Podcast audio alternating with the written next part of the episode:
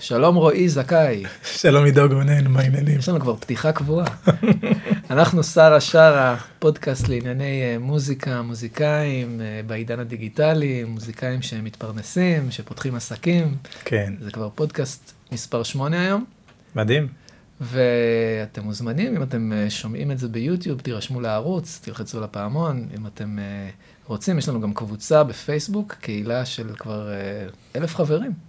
כן, עברנו את האלף שבוע שעבר. שרה שרה בפייסבוק, אתם מוזמנים להצטרף, לקבל uh, מידע שיתרום לכם בתהליך העסקי שלכם כמוזיקאים. לגמרי. ועל מה אנחנו מדברים היום, רועי? אז אם אנחנו עוסקים בענייני עסקים בדיגיטל, אז היום זה משהו שהוא גם קשור לדיגיטל, אבל יותר דגש על החצי הראשון של העסקים בדיגיטל, על עסקים. כן, לא רק בדיגיטל. לא רק בדיגיטל, ובוא נגיד ככה, אילו לקוחות אנחנו צריכים לפטר. לפטר, כן. לפטר לקוח. מי הם לקוחות פחות טובים לנו, ומי הם לקוחות כן טובים לנו. כן. לקוחות שיוציאו מאיתנו אנרגיה, ולקוחות אחרים לעומתם, שייתנו לנו השראה להמשיך לעסוק במה שאנחנו עושים. יפה, אז uh, באמת זה שיעורים לחיים, זה לא חייב להיות רק למוזיקאים, אבל אנחנו נתמקד במקצועות ובעסקים ושירותים שמוזיקאים נותנים. כן. Uh, בוא נחשוב על דוגמאות. Uh, מפיק מוזיקלי, uh, מישהו שמלמד נגינה, שירה, uh, סשניסטים בוודאי. אנשים שיש להם אולפן הקלטות. שיש להם אולפן הקלטות. אנשים שעושים מוזיקה לכל מיני לקוחות, כמו פרסומות, אה, משחקים. נכון. כל מי שבעצם מישהו משלם לו. אנשים שעובדים לפי, הש... לפי שעה, שזה המודל הכי פחות טוב, אני יודע שהרבה מוזיקאים עובדים לפי שעה. כן. אם זה mixing, mastering, mastering וכולי וכולי. כן, הקלטות. הקלטות. נגינה בסשנים חזרות. אנחנו נדבר פעם על, ה... על הנושא הזה של... של תמחורים ואיך לתמחר. שכר, מודלים, שכ... מודלים של תמחורים, כן. שכר שעתי, כן או לא. כן. אה, אז אה, בגדול אפשר להגיד שיש לנו לקוחות שהם, יש הרבה מוזיקאים שנותנים שירות למוזיקאים אחרים, mm-hmm. ויש גם לקוחות, כמו שאמרת למשל, אה, מורים לנגינה, שנותנים שירותים ללקוחות שהם לא מוזיקאים, ו... והעבודה היא טיפה שונה. אנחנו נדבר על זה, נגיע לזה, ניתן כמה נכון. דוגמאות. ויחד עם זה כולם לקוחות. לקוח זה מישהו שמשלם לך עבור משהו שאתה עושה עבורו. נכון. אז זה יכול להיות כחלק מתהליך יצירתי, וזה יכול להיות גם אה, ממש משהו שהוא כאילו יותר יבש, יותר טכני, כן. אה, ללקוח שהוא לא מוזיקאי, נותן, כנותן שירות. אז הנה, נזכרתי בעוד מישהו שהוא לקוח, הרבה, זה יכול לעניין הרבה מוזיקאים. אה, יש לכם הופעה שאתם מוכרים, הופעה עם תוכן מסוים, או מוזיקה לאירועים, זה גם יכול להיות רלוונטי. בטח. אז יש הרבה סוגי לקוחות, בואו נתחיל. בואו נתחיל לדבר על לקוחות uh, מאתגרים. מעולה. אז זה סוג לקוח ראשון מבחינתי זה כזה שאומר לך, תגיד, אה, מה אתה הולך לתת לי עבור וואו, משהו שאני משלם ש... לך. כן. שאלה מעצבנת. כן, כי אז אתה גם צריך, הוא שם אותך בעמדה שכאילו אתה צריך להוכיח את עצמך. וברגע שאתה צריך להוכיח את עצמך, זה כבר מבטא בעיה של מיצוב שלך אל מול הלקוח. זה נקרא פוזישנינג באנגלית, וזה בעייתי. זאת אומרת, יהיה לך קשה מאוד להמריא, אתה תמיד תהיה בפינג פונג הזה של לנסות להוכיח, ואתה לא רוצה, אנחנו לא רוצים להיות בעמדה הזאת. השאיפה שלנו היא שאנחנו נהיה בעמדה שיגיעו אלינו לא כנותני שירות, כמוצר, אלא כמותג. ראו אותך ורוצים אותך, אותך, אותך ספציפית. ספציפית. כן. ולא... אה, תגיד, אבל זו לא שאלה לגיטימית? זאת אומרת, מה אתה, מה אתה הולך לתת לי תמורת הכסף שאני משלם לך? זה יכול, זו שאלה שהיא טבעית. כן. וזה אומר שבאינטראקציה הראשונית שלך עם הלקוח הזה, אתה צריך לנהל את המפגש הראשון הזה, ובעצם איך שאתה מנהל אותו, אתה מקעקע את כל הדינמיקה, את שדה הכוחות ביניכם, לכל מערכת היחסים העתידית. אתה מקעקע לו את הספקות אולי. גם, וגם אתה, שוב, אתה, אתה עושה, זו ההזדמנות שלך לעשות לו positioning.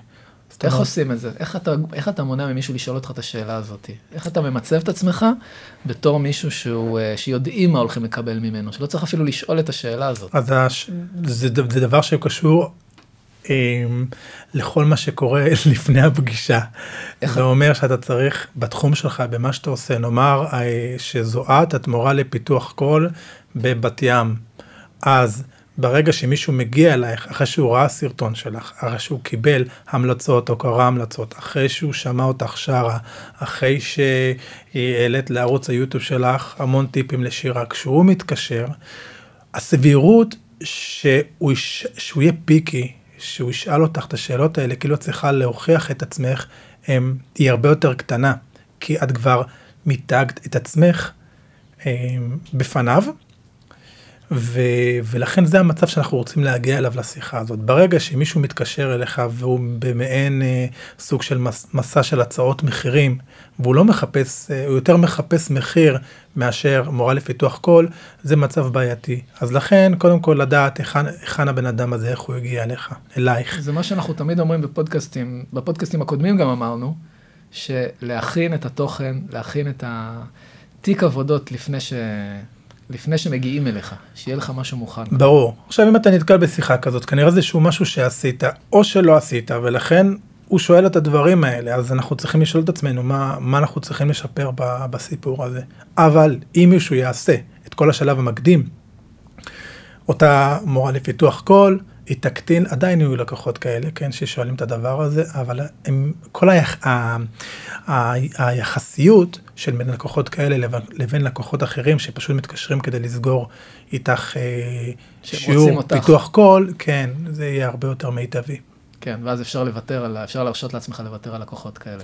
כן. אוקיי, אז הלקוח הבא זה לקוח שאומר לך, וואו, אתה ממש יקר. נכון, זה בא בעצם מאותו מצב, זה נובע מהבעיה שכנראה לא הצלחת להעביר לו את הערך שלך. והוא עדיין רואה אותך, למרות שאתה בן אדם, אתה פרסונה מסוימת עם מאפיינים מסוימים, כנותן שירות, שהוא יכול להשוות אותו למישהו אחר. כן. אז אני זוכר אה, מישהו אה, בשיעורי גיטרה, ואמרתי לו מה המחיר.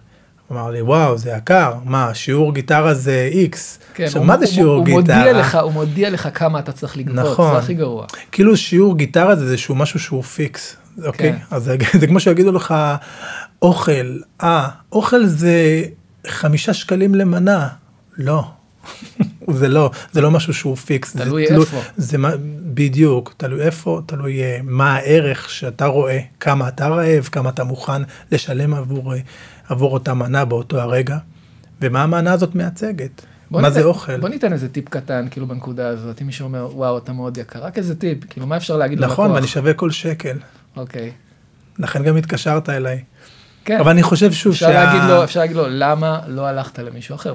ואז הלקוח אומר לך, למה הוא לא הולך למישהו אחר. נכון, הוא בעצם נותן לך קומפלימנטים בהיחבא. כן. ואם אתם, יש לכם, אתם מכירים את הערך שלכם, או שאתם נמצאים בנישה מסוימת, שאתם יודעים שאתם נותנים משהו שהוא שונה, שאין לכם כרגע תחליף, או שהתחרות שם נמוכה, אז תדעו אה, לייצג את זה גם בעלות.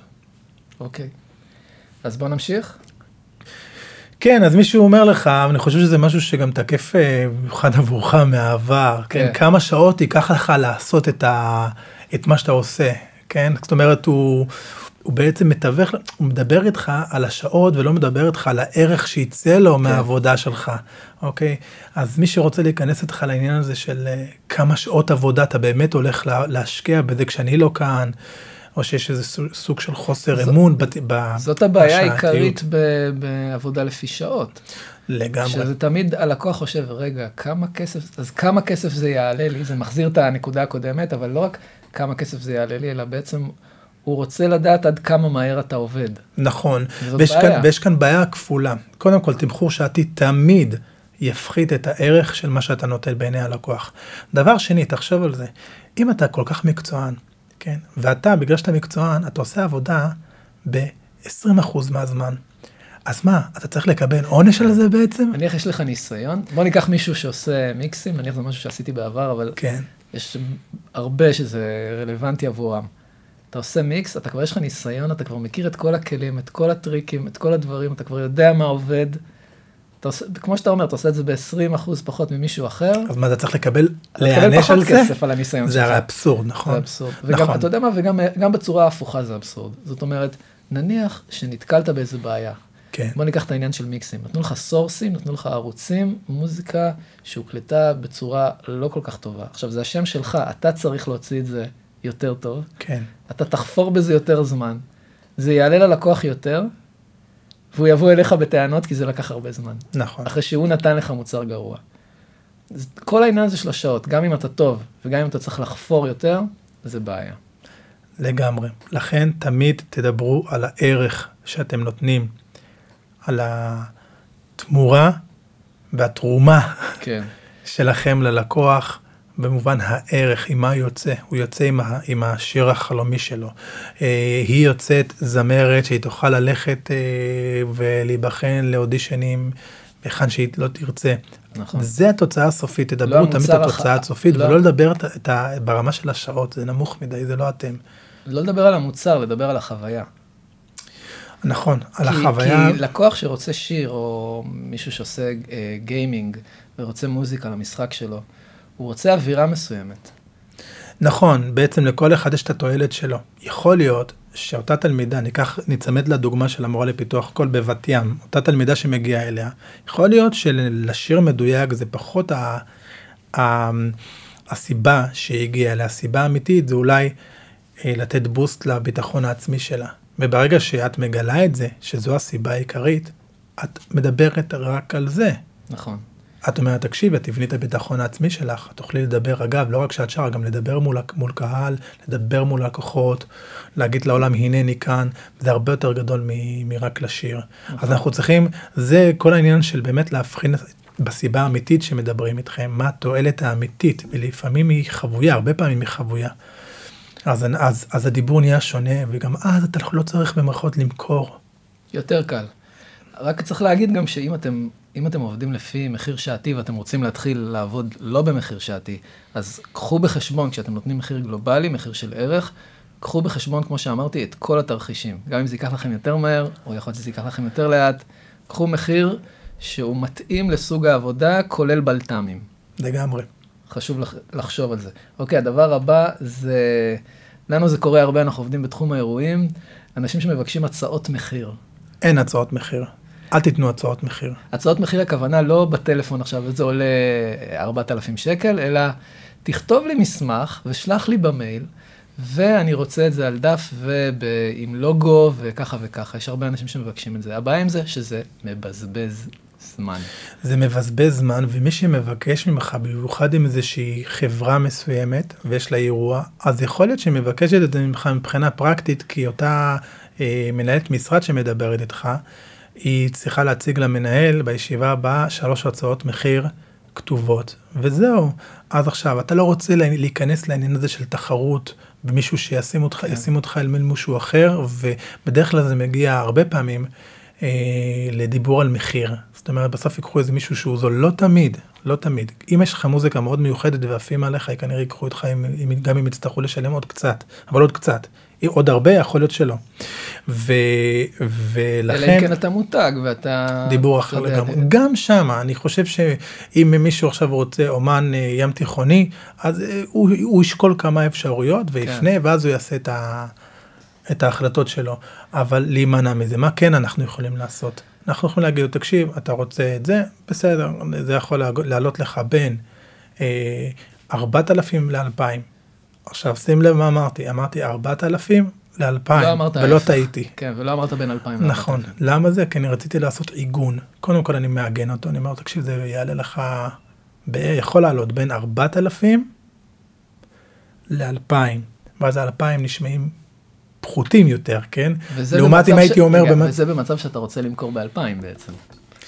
כן, או שבאמת זה גם, בגלל שהוא שואל משהו כללי, הצעת מחיר, אז אני נותן לו גם, זה בא ממקום, ממקום אמיתי, כי זה באמת יכול לעלות גם בין 4,000 ל-2,000, זה תלוי היכן זה קורה, כמה נגנים אתה רוצה, כמה זמן נגינה, אה, מי הלקוח, מה צריך אם גם יש דרישות להשאיר מסוים. מרחב למשא ומתן, הרבה בוודאי. לקוחות, במיוחד בישראל אוהבים לעשות משא ומתן. בדיוק. עכשיו, הגעתם להסכמה ראשונית, אומר לך, אתה יודע מה? כן, נשמע לי. נכנסים קצת יותר ספציפית, סוגרים על המחיר, ואז ברגע שהוא נותן לך, אוקיי, אנחנו הולכים לזה, שלח לו, זה כבר לא הצעה, אלא זה הזמנת עבודה מסודרת. כן, גם צריך להגיד לכל הנקודות האלה, אה, שזה לא שחור ולבן. זאת אומרת, אנחנו נותנים לכם עקרונות של לשים לב לבעיות שעלולות להתרחש אם תעבדו עם הלקוח הזה.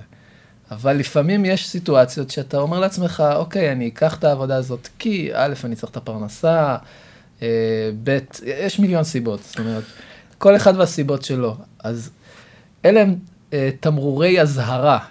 אבל, אבל לפעמים צריך לשלוח גם הצעות מחיר, אתה יודע, לפעמים אין ברירה. אין בעיה, אתה יכול לשלוח את ההצעת מחיר, אבל אז היא כבר לא תהיה אה, בחזקת הצעת מחיר כן. ראשונית, אה, גנרית, עלומה של איזה מישהו ששלח, אתה המישהו הזה אגב, אלא זה תהיה בעצם כבר אה, יותר הצעה פורמלית, אחרי שכבר, מה שאני רוצה לומר זה, אחרי שיש הסכמה, כן. אתה שולח הצעה. אחרי שיש לך קשר טוב כבר עם, עם הלקוח או עם מישהו מטעמו, ש, שכבר אתה רואה שמשהו קורה. לא, ספציפית אני אומר. אוקיי. אתם לא שולחים הצעה ככה לאוויר. יש הסכמה על מחיר, אז אתם שולחים את ההצעה רק בתור איזה משהו פורמלי. Okay. אוקיי. כלומר, הוא אמר לך כן, בוא נלך על רוצה. זה. הוא אומר לך כן, אני רוצה, אז אתה שולח לו משהו כתוב. אוקיי. Okay. אמ, בוא נדבר על אה, לקוח, mm-hmm. שלא יודע מה הוא רוצה, שהוא כל הזמן, אנחנו נדבר על זה כמה פעמים, בנקודה הזאת ספציפית, מישהו שכל פעם משנה את מה שהוא רוצה. כל פעם אומר לך, תקשיב, אבל פה ככה, ואז שבוע הבא אומר לך, אני רוצה משהו אחר. בטח, אתה יודע כמו מה זה? לא. זה כמו שיר שאין לו סוף. הוא ימשיך להתנגן, להתנגן כן, ולהתנגן. זה, אולי זה מחלה של פרפקציוניזם כזה. אני חושב שזה, כאן זה, שוב, זה קשור לה, לה, להתנהלות של היחסים ביניכם, והאחריות שלנו כמוזיקאים, כ... אנשים שיש להם עסק במוזיקה, זה להבין את זה ותמיד לעשות framing, זאת אומרת, תמיד לעבוד אל מול ציר כלשהו, וגם אם תחרגו, אתם חורגים אל מול ציר מאוד ידוע. כן, אתה יודע, פעם דיברתי עם אה, מישהו שהוא מאוד אה, מוכר בארץ בתחום הסאונד. כן. והפקה מוזיקלית, והוא אמר לי דבר כמו, uh, עובד עם לקוחות, אני נניח מוריד גיטרה, אני מסיים את ההורדה, אנחנו מקשיבים לזה, אני אומר לו, זה סגור, והוא צריך לענות לי זה סגור. זאת אומרת, על כל דבר שאתה מוסיף, אתה מבקש הסכמה. למה? כדי שלא יבוא אחר כך ויגיד לך, תקשיב, זה לא טוב. אמרת שזה בסדר, אנחנו מתקדמים הלאה.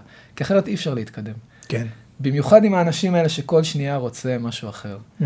אז צריך שתהיה הסכמה, ו- והוא צריך לדעת שברגע שהוא נתן את ההסכמה שלו, זהו, ממשיכים הלאה. לגמרי. עכשיו, בן אדם שגם לא יודע מה הוא רוצה, אתה לא יודע בכלל אם הוא רוצה.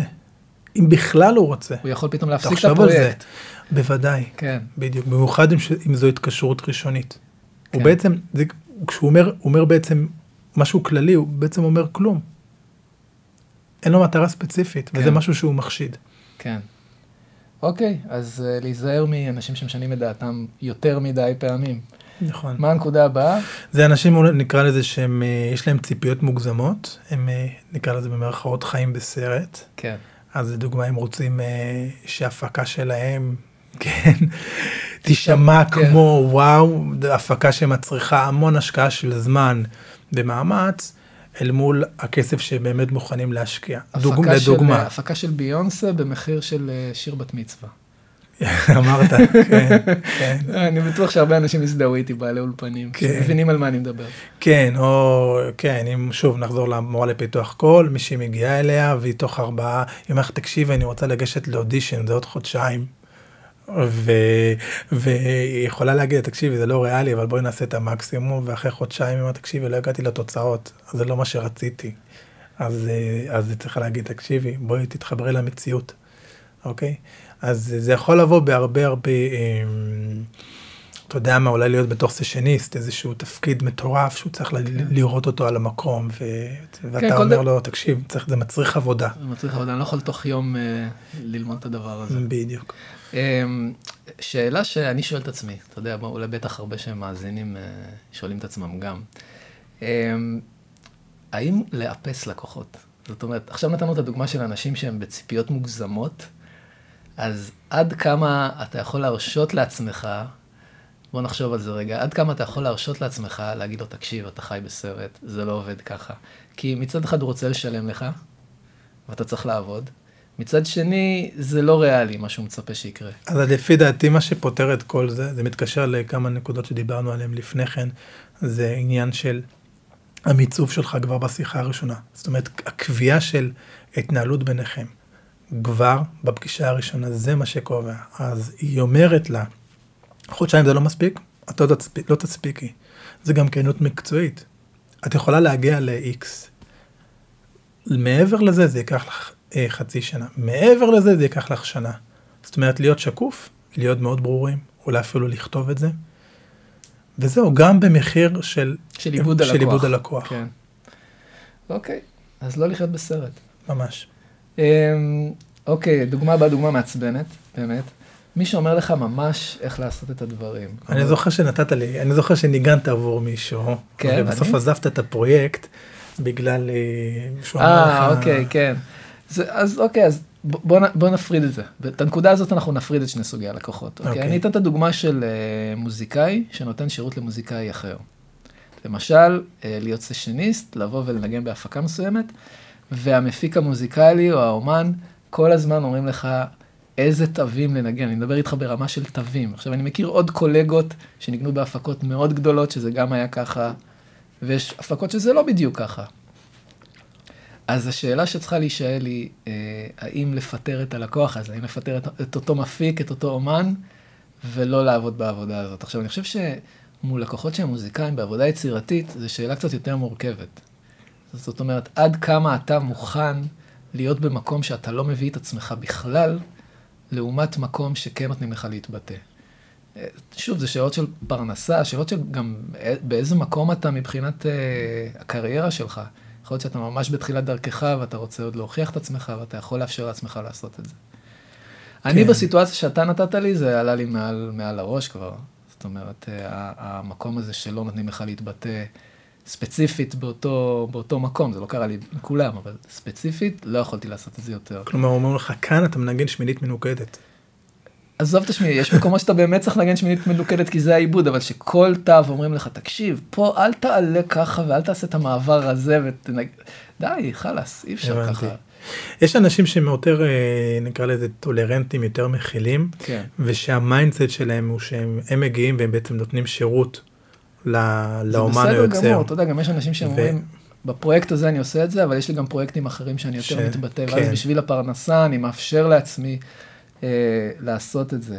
או שמישהו אומר לך, תקשיב, אני שולח לך את התפקיד, זה ה MIDI, אני צריך את זה פשוט live, אחד לאחד. כן. זה סיפור אחר. תראה, גם זה בתור... up front, הוא אומר לך, זה מה שאני צריך, ואז אתה מחליט אם אתה מסכים על זה או לא. נכון, אבל תראה, גם בתור מפיק מוזיקלי, אתה יודע, אני יכול להגיד לך שיש לקוחות שהם שומעים בראש שלהם כבר איך, ה, איך המוזיקה שלהם צריכה להישמע. כן, עכשיו, ברור שאתה מעדיף עבודות, שיהיה לך איזשהו אינפוט קריאטיבי משלך, שלא כל הזמן יגידו לך, פה הסאונד הזה אני רוצה בדיוק, וזה נש... אתה יודע, כן, וישגעו אותך עם הדבר הזה. כן. אותו דבר, אתה צריך להחליט עד כמה אתה מוכן ל- לעבוד עם לקוחות כאלה שיותר מדי יושבים לך על הראש. מהמם. זה בתחום של העניין היצירתי, שאתה עובד עם מוזיקאים. כשאתה עובד עם אנשים שהם לא מוזיקאים זה כבר שאלה אחרת. כי אם אתה עובד עם אה, מישהו שהבן שלו לומד אצלך גיטרה, או כל כלי אחר, או פיתוח קול, או whatever, אין, הוא לא יודע את העבודה הקריאיטיבית. נכון, ובמידה ובן אדם נכנס איתך לרזולוציות כאלה, בעצם נכנס לך לכלי, לאצבעות, יש כאן עניין שכנראה הוא, גם אם הוא לא יגיד את זה, הוא לא תופס ממך את המומחה שאתה. נכון. אתה יודע מה, גם בתור נגן, שאתה כן עובד במשהו יצירתי, ואתה צריך לתת ערך יצירתי גם, ואתה צריך לשרת את השיר, כמו שאומרים, כן, אם היו תופסים ממך מומחה, לא היו אומרים לך את הדבר הזה. זאת אומרת, אם הם היו רוצים שהמומחה יבוא, הם היו נותנים לו לנגן בדיוק מה שהוא רוצה. נכון. אז זה גם משהו שצריך לזכור. נקודה מעניינת. כן. אה, כן, יש מישהו שדוגמה נוספת, נקודה נוספת, זה מי שמשווה אותך כמוצר למישהו אחר. כלומר? אותה מורה לפיתוח קול, היא אומרת, אני, שיעור אצלי עולה 150 שקל. ואז מגיעה לקוחה, מדברת איתה לקוחה שהתקשרה אליה, אך עכשיו, אומרת לה, וואו, מה, אבל שיעור, שיעור פיתוח קול זה 100 שקל. אז היא רואה, את ה, את ה, היא רואה בעצם פיתוח קול, היא לא רואה את המורה שמולה. כן. זה לא איזשהו משהו שהוא פיקס. זה כל פעם חוזר לאותה נקודה. לאותה נקודה. אני נקודה. חושב שברגע שאתה ממצב את עצמך בתור מומחה, סלאש מותג במה שאתה יודע, דבר מאוד ספציפי שאת או אתה אה, יודעים לעשות, אנחנו נחסוך הרבה מהאינטראקציות הלא נעימות האלה. זה יכולה להיות גם אסטרטגיה. זאת אומרת, מרגע מסוים, שאתה כבר יודע את הערך שלך, אה, אני לא מדבר על היום הראשון שאתה בביזנס הזה, מנקודה מסוימת, אתה יכול כאסטרטגיה להחליט שאתה פשוט לא עובד עם אנשים שלא לוקחים אותך בתור מומחה, שלא מבינים, שלא מבינים את הערך שלך. יש אנשים שגם אם אתה, יהיה לך את כל המיתוג שבעולם, הם לא ירצו לראות את הערך שלך בגלל שהם כאלה. הם מנסים תמיד לחתוך אותך. נכון, נכון. ו... ואם אתה בטוח במה שאתה עושה ואתה מכיר את ה... כמה מקצועי אתה, אז פשוט תיצמד לזה, גם אם זה אומר שבדווח הראשוני, בדווח הקרוב, אתה כביכול מפסיד, מפסיד את הלקוח, אבל... אבל אנחנו רצים כאן למרחקים, אנחנו רצים מרתון ולא ספרינטים. ספרינטרים, איך אומרים? משהו. זה לא בתחום המוזיקה, זה לא... כן, כן. אה, אוקיי, הדוגמה המאתגרת הבאה, מי שנותן פידבקים מעורפלים. אה, אני לא אוהב את זה, לא יודע, זה לא נשמע לי, איך אני בתור שחקן? לא- כן. אה, שזה דומה קצת למה שדיברנו קודם, פשוט לא יודע מה הוא רוצה. נכון, בדיוק. ובעצם הוא, הוא, הוא שוב, הוא לא אומר כלום. הוא לא אומר כלום. תאר לך שאתה עכשיו מפיק איזשהו שיר, ועבדת עליו שעות, הוא אומר לך, אני לא יודע. זה לא זה. בא לי לראות בבן אדם. וואו. כן, אז, אז שוב, זה אומר אה, לקחת האחריות של התנהלות של העבודה שלנו מול הלקוח, בצורה הרבה יותר טייט, לחלק את זה כמו לחבר, אותו חבר שלך. עשית איזשהו משהו, שולח לאישור, מגביל את זה במספר רוויזיות מסוים. כן. ו- ואז אנחנו... זאת אומרת פינג פונג, שלא יהיה יותר מדי כמה. בדיוק, למנוע, בדיוק. אתה אומר לו שני פינג פונגים. כן, כן, כן, אגב, זה, זה פשוט ככה. במיוחד שאתה עובד עם לקוחות שהם לא מוזיקאים, ש... שלא יודעים איך זה עובד. יש mm. דבר שנקרא אה, במשא ומתן שיטת הסלאמי. Mm-hmm. שזה אותם אנשים שכל הזמן רוצים לך עוד משהו ועוד משהו ועוד משהו ועוד משהו, ותעשה לי גם את זה ותעשה לי גם את זה. סוגרים איתך על מחיר מסוים, אבל כל פעם מוסיפים עוד משהו קטן. כן. אז באמת אה, הדרך למנוע את זה, זה פשוט להגיד מראש, אחת הדרכים למנוע את זה, יש כל מיני דרכים, אבל אחת הדרכים למנוע את זה, זה פשוט להגיד מראש, אני נותן לכם עד סיבוב אחד, שני סיבובים, כמה שאתם רוצים, של תיקונים. נכון, אני חושב שזה מוציא גם מהלקוח פרודקטיביות, אה, את מיטב הפרודקטיביות שלו, לדוגמה אם זה עכשיו גם, אה, זה אומן שהוא עכשיו בא להקליט אצלך, הוא, יותר, הוא, יהיה, הוא יהיה הרבה יותר מפוקז, מפוקז שאתה מגדיר לו את, ה, את גבולות הזמן ומה שאפשר לעשות, נכון. לא, אותו, לא להלחיץ אותו, אבל ככה זה עובד, הרי זה כמו, כמו שיר, אתה יודע, ניקח את זה כמטאפורה, יש לו התחלה וסיום, יש לו מבנה, זה לא איזשהו משהו אמורפי, אז זה דבר שמאוד מאוד חשוב. ו... ו... והלקוח הוא צריך לדעת שיש, שיש את הגבולות האלה. כי גם את השיר, כמו ששיר יש לו גבולות. אז אם לקוח אה, לצורך העניין מתקשר אליך בשבת, או מאוחר בלילה, אז הוא לא רואה אותך באמת, הוא, הוא בעצם חושב שאתה תמיד שם לשירותו. פשוט ו... אל תענו, אל תענו. שימו גבולות לאנשים. אבל זה מעיד, כן, זה מעיד הרבה יותר. זה אומר שאתם צריכים, אה, אתם צריכים שוב לנהל, ברגע שאנחנו מנהלים את מערכת היחסים, אחרי שהחלטנו עליה, שאנחנו הולכים על זה, אנחנו משקיטים לעצמנו את ה mind. כן.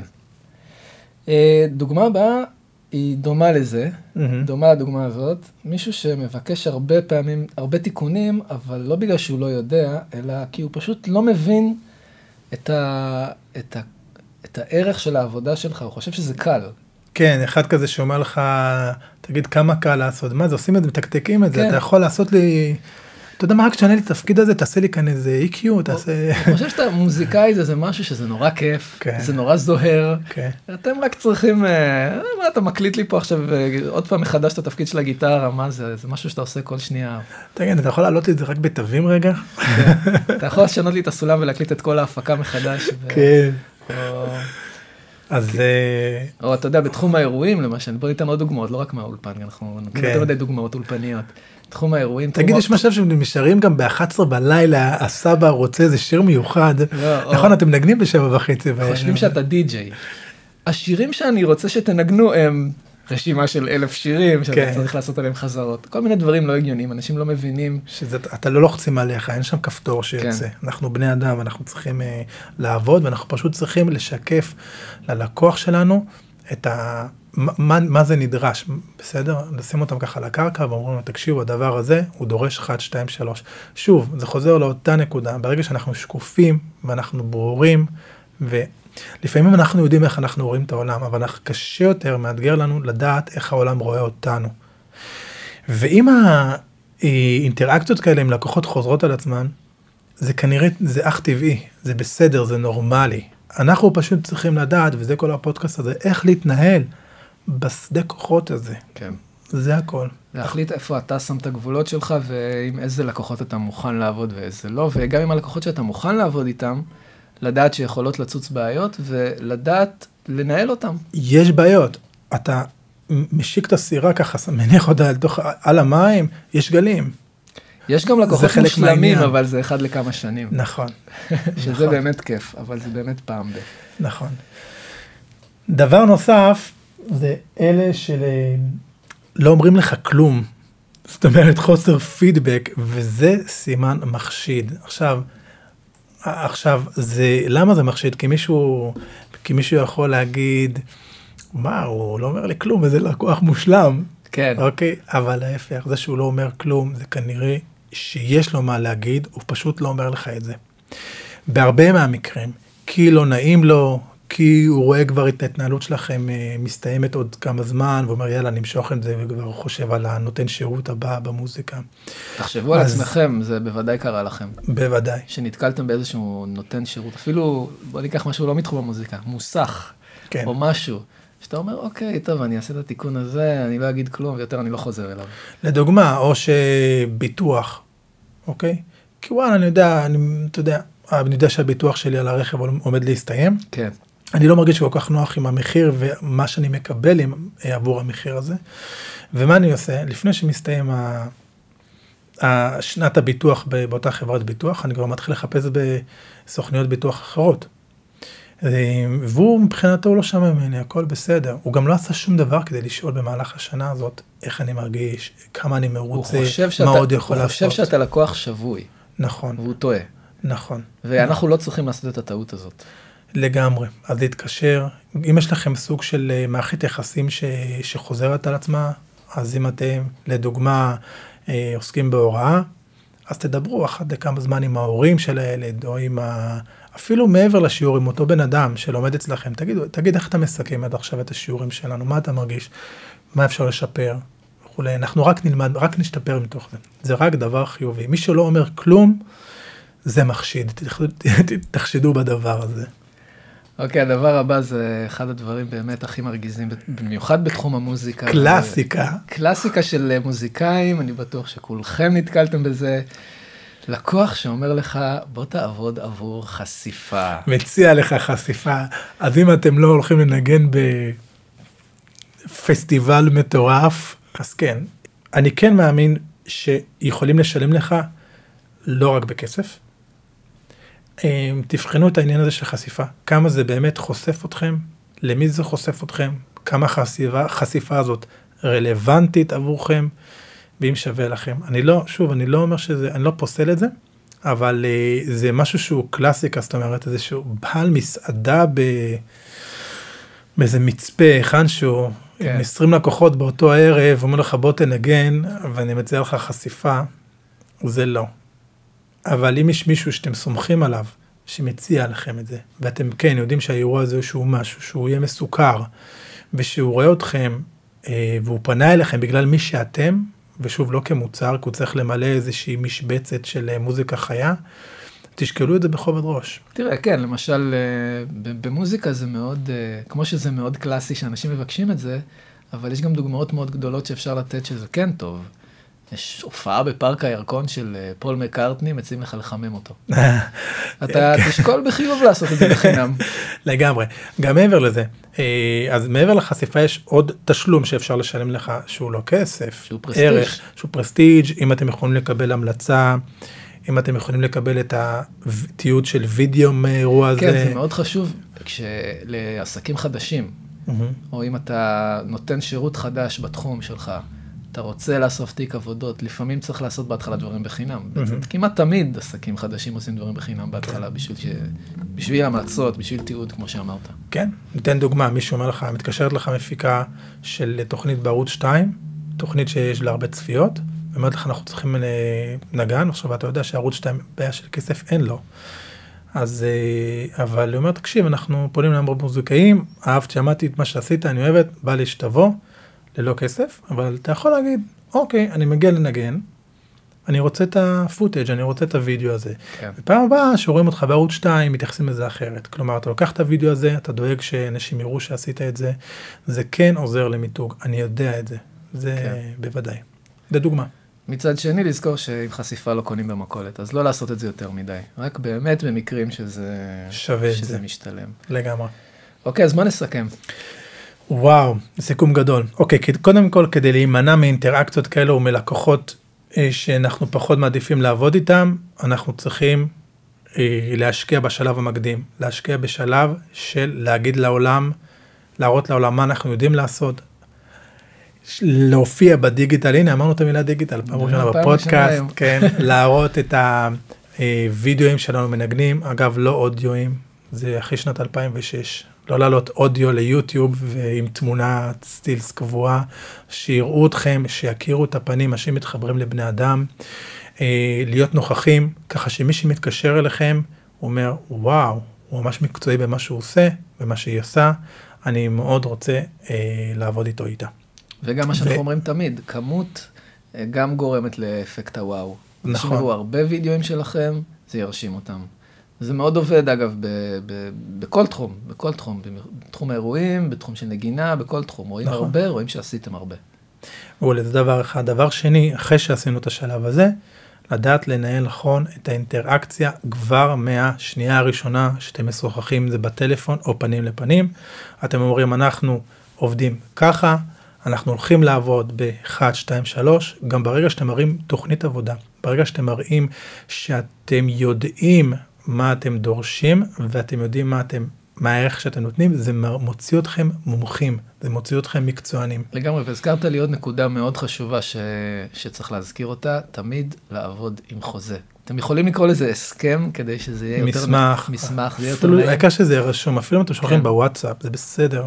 אפילו תלוי. כן, אפילו אם יש הסכמה דיגיטלית, כן, הכל מאושר.